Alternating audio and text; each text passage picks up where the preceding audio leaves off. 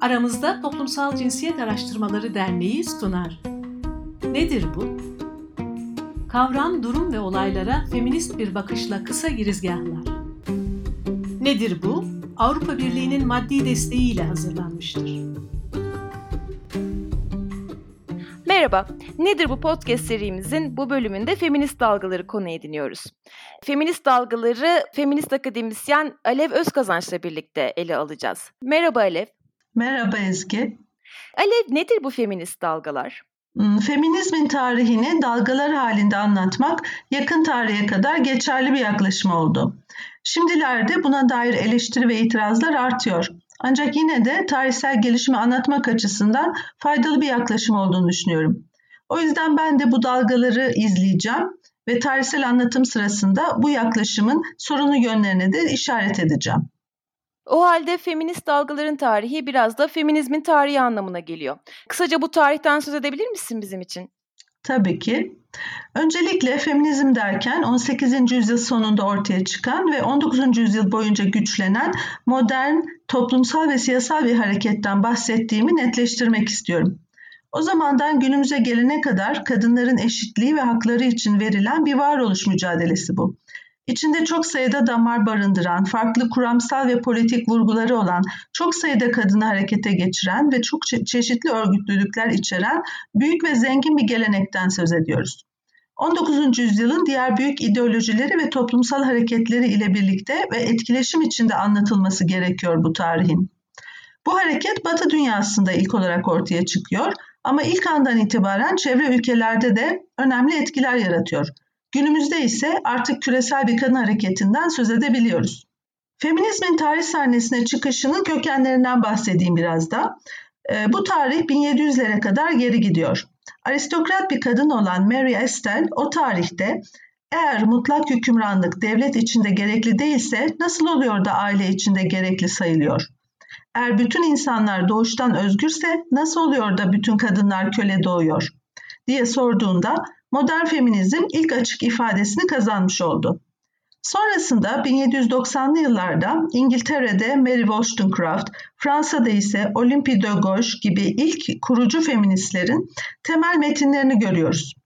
Yani diyebiliriz ki ilk feminist söz tarihe doğrudan Fransız devrimiyle, e, demokratik devrim yoluyla ve aydınlanmanın bir meyvesi olarak girmiş oluyor.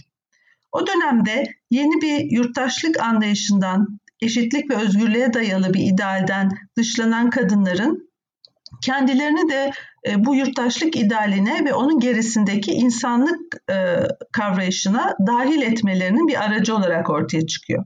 Tabii henüz bir hareketten söz edemeyiz. 1790'lı yıllarda tek tük feministler görüyoruz. E, fakat bu söylemlerin tek bir kitle, büyük bir kitlesel kadın hareketine dönüşmesi için 19. yüzyıl ortalarını beklemek gerekti. Batı dünyasında 1840 sonrasında hızla büyüyen ve kitleselleşen bir hareket var ki biz buna birinci dalga feminizm diyoruz. Ve bu dalga Birinci Dünya Savaşı sonrasına kadar sürüyor. Yani Batı'da kadınların oy hakkı mücadelesinin kazanıldığı zamana kadar. Yani eğer 1791'i başlangıç kabul edersek tam 127 yıl süren çok uzun bir mücadele döneminden söz ediyoruz birinci dalga deyince. Şimdiden geriye bakınca bu döneme dair basitleştirici ve indirgeyici tezler ileri sürmek çok kolay olur. Ama bunlar dönemin zenginliğini, karmaşıklığını ve kurucu etkisini anlamaktan uzak kalacaktır diye düşünüyorum. Örneğin birinci dalga eşitlik mücadelesi verdi, ikinci dalga farklılığı öne çıkardı demek bence doğru değil. Ya da birinci dalganın liberal olarak kodlanması ve sadece oy hakkı mücadelesine indirgenmesi de doğru değil. Birinci dalganın eşit yurttaşlık hakları talep ettiği doğrudur. Ama bunun olması için öncelikle kadınların insan olarak değerinin tanınması ve kölelik benzeri statüden kurtarılmaları gerekmiştir. Bu dönem 17. yüzyıldan beri oluşan ve kadınları hem insan olarak hem medeni statü olarak değersizleştiren modern patriarkaya karşı verilen pek çok çeşitli mücadelelere ve fikirlere sahne oldu. Kadınların boşanma, velayet, miras hakkı, mahkemede kendini temsil, mülk edinme ve sözleşme yapma hakkı, eğitim ve çalışma yaşamından dışlanmalarına ve ayrıca aile içinde hiçbir söz hakkı olmayan ev hizmetçisi ya da bir köle statüsüne indirgenmelerine karşı pek çok mücadeleler verildi. Ayrıca kıta Avrupa'sında işçi kadınlar yükselen sosyalist hareketlere de katılarak örgütlendiler ve eşit ücret, kreş hakkı, e, düzgün çalışma koşullarını talep ettiler. Nitekim 8 Mart gününün kadın günü olarak e, emekçi kadın günü olarak kutlanmasını da 1910 yılında toplanan Sosyalist Kadınlar Konferansı'na ve Clara Zetkin'e borçluyuz. Ezgi birinci dalgayı kısaca böyle özetleyebiliriz. E, peki ikinci dalga ne zaman başladı ve nasıl şekillendi? Aslında bu uzun mücadeleler sonucunda kadınların talep ettiği pek çok hak ve özgürlükler yasal olarak tanınmıştı. Ancak modern patriarka özellikle oy hakkı konusunda çok dirençli çıktı ve bu nedenle 19. yüzyıl sonuna gelindiğinde hareketin farklı kolları hep birlikte oy hakkına kilitlendi. Ve Birinci Savaş e, Birinci Dünya Savaşı sonunda bu hak Amerika ve İngiltere'de kabul edildi. O zamandan itibaren 1960'lara gelene kadar e, hareketin büyük ölçüde geri çekildiğini görüyoruz. Ki bu evre aynı zamanda feminizme karşı tepkilerin yükseldiği bir dönem oldu. Bu evrede sonradan yeni bir feminizmin ortaya çıkışı için gerekli olan yeni bir zemin oluştu. Refah devleti gelişti, tekelci ulusal kapitalizm ortaya çıktı ve bir tüketim kültürü oluştu. E, ve yeni bir domestik ideoloji hakim olmaya başladı. Bu dönüşümlere paralel olarak modern patriarka da şekil değiştirdi ve ortaya çıkan yeni tür çelişkiler yeni bir dalganın yani ikinci dalganın oluşumu için zemin yarattı. Bu temel dönüşümün yanı sıra ikinci dalga 1960'larda batıda ortaya çıkarken geri planda sol ve muhalif hareketlerin yükselişi vardı. İkinci dalga 1950 sonrasından itibaren gelişen nükleer karşıtı hareket, silahsızlanma, Amerika'da siyahların medeni haklar hareketi, öğrenci hareketleri ve savaş karşıtı hareketler içinde pişti ve iki farklı koldan harekete geçti. Bağımsız bir kadın gücü olarak ve kadın dayanışması sayesinde kendini yeni bir siyasi alan açtı ve böylece yeni toplumsal hareketlerin en başarılı örneği olarak sivrildi. Sonraki tüm döneme damgasını vuran çok canlı ve başarılı bir hareketti bu. Bir yandan liberal feminizm akımı kadınların hem ücretli işte daha fazla yer alıp hem de ev kadınlığı rolüne zorlanmalarının yol açtığı gerilimlerin üzerinde yükseldi. Kadınların ev içi rollerini sorguladı ve kamusal alanda ayrımcılığa uğramadan yer almaları için mücadele verdi. Eşit işe eşit ücret, iş yerinde ayrımcılık, eğitim ve mesleki fırsatlar gibi konulara odaklandı. Ayrımcılığa karşı birçok yasal ve kurumsal düzenlemelerin kabul edilmesini sağladı. Öte yandan radikal feminizm diye adlandırılan bir diğer damar vardı ki buna kadınların kurtuluşu hareketi deniyordu o zaman. Özel olan politiktir önermesi doğrultusunda patriarkanın daha derin katmanlarına inebildi. Özellikle beden ve emek konusunda ezilmenin mekanizmalarını sergiledi. Kürtajın yasallaşması mücadelesi o dönemde çok öne çıktı ve kazanıldı bu mücadele. Şiddete karşı çok ciddi bir farkındalık ve örgütlenme gelişti. İlk sığınma evleri o dönemde açıldı. Kadının ev içi görünmeyen emeği görünür hale getirildi ve cinsiyet rolleri ve kadın bedeninin kültürel temsillerine ilişkin pek çok kampanyalar e, düzenlendi. Zorunlu heteroseksüelliğe dayalı aşk ve evlilik kurumu sorgulandı. Bu dönemin sonuna doğru gelirken kadınlar arasındaki farklar meselesi de yeni ve özel bir gündem yarattı feminist hareket içinde. Lezbiyen feminizmi zorunlu heteroseksüelliği gündeme getirirken hareket içindeki heteroseksüel hegemonyaya da son verdi. Benzer şekilde siyah feministler beyaz feministlerin hegemonik konumunu eleştirirken aynı zamanda feminizm ile ırkçılık karşı, karşıtı mücadeleyi eklemlemeye çalıştılar. İkinci dalganın şöyle önemli bir kazanımı ve önemli bir boyutu daha vardı. Ee, ikinci dalganın 1980'lere kadar sürdüğü kabul edilir. Yani 20 yıl gibi kısa bir zamanda kadınlar tüm dünyayı etkileyen büyük bir devrimci dönüşüm başardılar. Bu büyük başarının bir sonucu da uluslararası düzlemde Birleşmiş Milletler'in öne çıkması oldu bu konuda. Birleşmiş Milletler 1975 yılını Dünya Kadın Yılı, sonraki izleyen 10 yılı da Dünya Kadın 10 Yılı olarak ilan etti.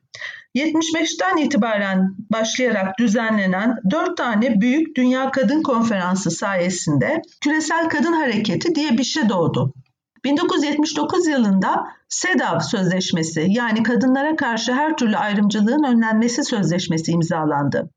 1995'te Pekin'de düzenlenen 4. Dünya Kadın Konferansı'na gelene kadar kadın hareketi örgütsel ve söylemsel olarak çok güçlendi. Yeni ağlar oluştu, yeni aktörler alana girdi ve en önemlisi hareketin e, liderliği bir ölçüde batılı kadınlardan güneydeki kadınlara doğru kaydı. Pekin'den sonra kadın hareketinin gündemi çok genişledi ve yoksulluk, silahsızlanma ve barış talebi, çevre ve tarım, eğitim, sağlık, şiddet, kadının insan hakları, medyada temsil, ekonomik kaynaklara erişim ve siyasete katılım gibi e, birçok alanda temel talepler paketi netleşti. Latin Amerika, Asya, Afrika ülkelerinden e, kadınlar küresel feminist gündemi daha fazla belirlemeye başladı. O yüzden diyebiliriz ki Güney ülkelerin tecrübelerini esas alırsak 1975 sonrası bir dalgadan söz etmek gerekebilir. Çünkü bu gelişme ile birlikte e, özellikle Güney ülkelerinde e, yeni bir evre başlamış sayılabilir. Elbette 1975 öncesinde de çevre ülkelerde, Güney ülkelerinde e, kadın hareketlerinin bir tarihi olmuştur. Tam da burada bu dalgalar anlatımının batı merkezli bir anlatım olmasının ne kadar sınırlı olduğu gerçeğiyle karşılaşıyoruz. Yine de şöyle bir durum da var. Dalgalar anlatımı batı merkezli bir anlatım olsa da 19. yüzyıldan itibaren aslında batıdaki gelişmelerin çevre ülkelerde de önemli yansımaları olduğunu görüyoruz. 19. Ee, yüzyılda Osmanlı İmparatorluğu örneğinde de gördüğümüz üzere modernleşme reformları sürecinde geleneksel ataerkil yapı ve kurumların sorgulanmaya başlandığını e, ve pek çok e, benzeri coğrafyada birinci dalga kadın hareketi diyebileceğimiz e, ilk hareketlenmelerin o dönemde ortaya çıktığını görüyoruz. Ayrıca çevre ülkelerde savaş öncesinde ve ikinci savaş sonrasında kurtuluş savaşları ve bağımsızlıkla birlikte yeni rejimlere bağlı önemli kadın hareketlerinin de ortaya çıktığını görüyoruz milliyetçi, cumhuriyetçi ve devrimci hareketlerde yeni rejime bağlı olarak bir takım önemli kazanımlar olmuştur. Ki bütün bu dönemdeki mobilizasyonlar Güney ülkeleri açısından birinci dalga olarak ifade edilebilir. Ancak 1975-80 sonrasında Güney ülkelerindeki kadınlar da kendi devlet yapılarından kısmen bağımsız ya da tamamen özerk olarak küresel kadın hareketleriyle dayanışma içinde gelişip büyüdüler. 1995 Pekin sonrası ise e, tam olarak farklı e, bir evreye girmiş oldu. E, batılı gündemler ile çevre ülkelerin e, dinamik bir etkileşimi başladı. Ve 1990'lardan itibaren küreselleşmenin de etkisiyle ortak bir gündem oluştuğunu ve karmaşık oluşumlar halinde e, farklı coğrafyaların rezonans haline geçtiğini söyleyebiliriz. Örneğin Türkiye'de 1980 sonrasında feminist hareket güçlenirken hem gecikmiş şekilde ikinci dalganın etkisini hem SEDAV ve Birleşmiş Milletler etkisini, Pekin Deklarasyonu etkisini hem de üçüncü dalganın etkilerini bir arada yaşadık. O halde üçüncü bir dalgadan da söz edebiliriz. Bugün örneğin feminizmin üçüncü dalgası içinde olduğumuzu mu söylemeliyiz yoksa dalgalar tarihi sona mı erdi? Bu konuda ne söyleyebilirsin?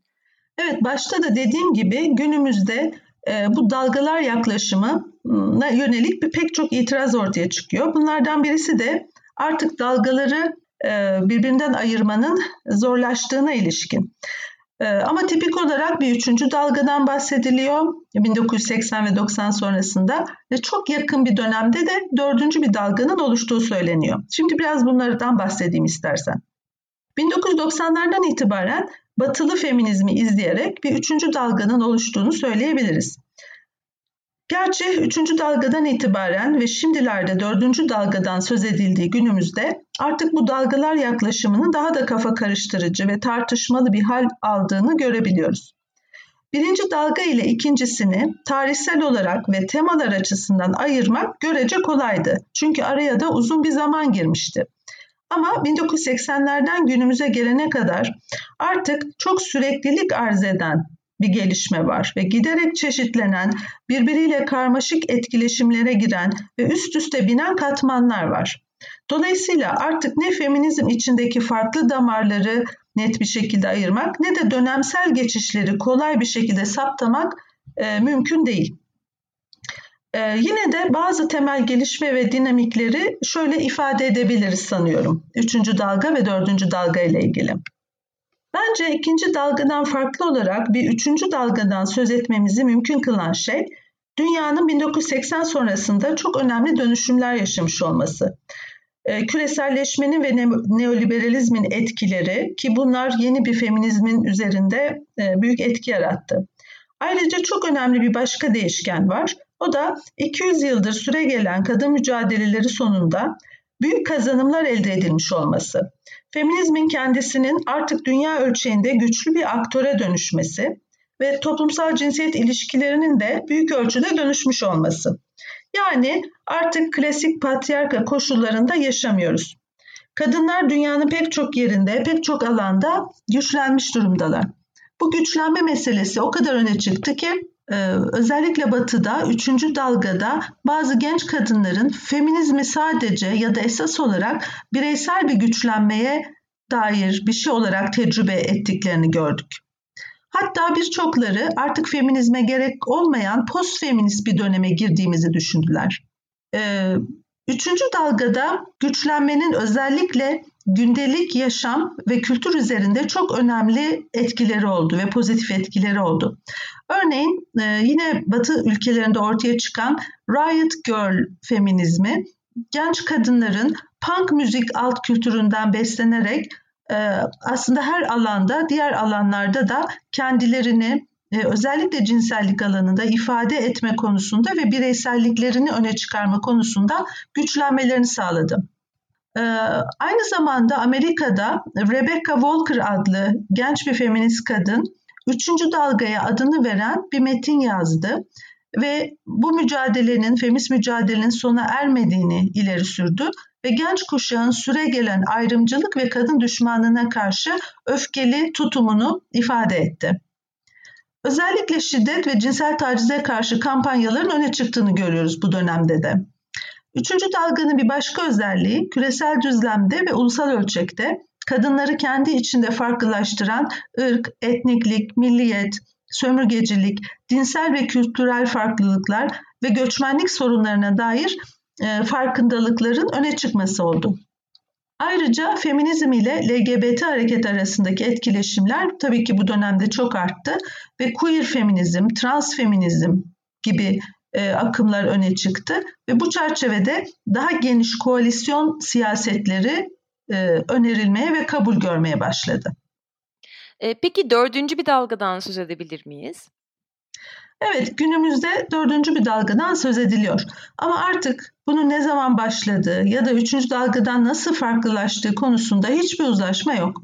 Bazıları Twitter'da hashtag feminizminin başladığı 2008 yılına kadar geri götürüyor dördüncü dalganın başlangıcını. Bazıları 2013, 2012, 13 sonrasına tarihliyor. Ama genel olarak herkesin birleştiği bir konu şu ki e, dördüncü dalga feminizmde dijital ortam ve sosyal medyanın çok büyük bir belirleyiciliği var. Gerçekten o dönemden yani 2008 sonrasından, 2010 sonrasından itibaren günümüze gelene kadar çok sayıda ve güçlü kampanyalar ile sosyal medyada özellikle genç kuşak kadınların öne çıktığını görüyoruz. Ve genellikle cinsel şiddet ve taciz konusunda ayrıca kadınların kültürel temsillerine yönelik konularda e, yoğunlaşan bu kampanyaların en paradigmatik örneğini 2017-2018 yılında gördük. Yani dünyayı, bütün dünyayı saran e, Me Too hareketinde gördük. E, şiddete karşı, gündelik ayrımcılıklara ve cinsiyetçiliklere karşı kampanyalar bu dönemde, son dönemde sokaklara da taşıyor. Nitekim dördüncü dalganın ayırt edici özelliklerinden biri de bu. Yani 1970'lerden sonra ilk kez yeniden çok büyük bir sokak hareketliliği ve aslında daha önce görülmemiş ölçüde bir kitleselleşme yaşanmaya başlamış olması. 1990'ların kurumsal feminizminin yerini daha çok kendiliğinden ve kitlesel hareketler alıyor ve sosyal medya hareketleri alıyor. Bir yandan sosyal medya üzerinden küresel etkileşimler çok artarken bir yandan da küresel ağlar ve hareketler güçleniyor. Aynı zamanda çeşitli ülkeler içindeki kitlesel hareketler kesişimsel perspektifi öne çıkararak daha fazla kapsayıcı ve içerici olmaya çalışıyorlar. Dolayısıyla bu kesişimsellik vurgusu da dördüncü dalgada çok öne çıkıyor. 2000'lerden bu yana başlayan ve 60 ülkede e, örgütlenen kadın ağları sayesinde örneğin 8 Mart'larda küresel kadın grevleri örgütleniyor. E, ama özellikle bu grev 2016 ve 17'den sonra çok daha özel bir güç kazandı. Polonya'da kadınların kürtaj hakkını savunduğu büyük kitlesel eylemler yani siyah protesto deniyor bunlara ya da Arjantin'deki şiddet karşıtı büyük yeşil dalga hareketinde ve özellikle 2017'de Amerika'da Trump'ın seçilmesinin ardından düzenlenen çok büyük kadın yürüyüşlerinde milyonlarca kadının sokaklara döküldüğünü görüyoruz. Ve ardından 2017 8 Mart'ında küresel kadın grevi de örgütlendi. Sonuç olarak bu yeni hareketler giderek yükselen otoriter popülist rejimlere ve eşitlik karşıtı hareketlere yönelik güçlü bir direnç gösteriyorlar ve aynı zamanda şiddet ve ayrımcılığın yanı sıra daha genel sosyal adalet ve demokrasi sorunlarını da e, feminizmin merkezine alıyorlar. Toplumsal cinsiyet sorunlarını diğer ezilme ilişkileriyle bağlantıları ve kesişim noktaları üzerinden işleyerek e, daha fazla öne çıkarıyorlar. Dördüncü dalga hakkında da bunları söyleyebilirim. Son olarak şunları da söylemek istiyorum. İlk ortaya çıkışından bu yana feminizmin tarihi daima iki değişkene bağlı olarak şekilleniyor. İlki modern patriarkanın dönüşümleri ki bu da bir yandan devlet ve kapitalizm gibi makro değişkenlere bağlı, bir yandan aile ve toplumsal yapıların dönüşümüyle ilgili çok karmaşık süreçlere bağlı. İkincisi ise feminizmin her bir momentte içinde bulunduğu dönemin diğer muhalif toplumsal hareketleriyle olan ilişkileri ve etkileşimleri. Artık kadın hareketleri her iki değişken açısından da belirleyici bir önemde etkili bir aktör olarak gözüküyor. Hatta örneğin Arjantin örneğinde gördüğümüz gibi halk hareketlerine öncülük edecek bir hale geldiğini görüyoruz. Bundan sonra da feminizm giderek daha fazla kendi etkisinin ayırdığında olarak bu mücadeleye devam edecektir diye düşünüyorum. Ve muhalif bir eşitlik hareketi olarak daha kurucu ve bütünsel bir demokrasi ve sosyal adalet mücadelesinde başat bir aktör olmaya devam edecektir diye düşünüyorum.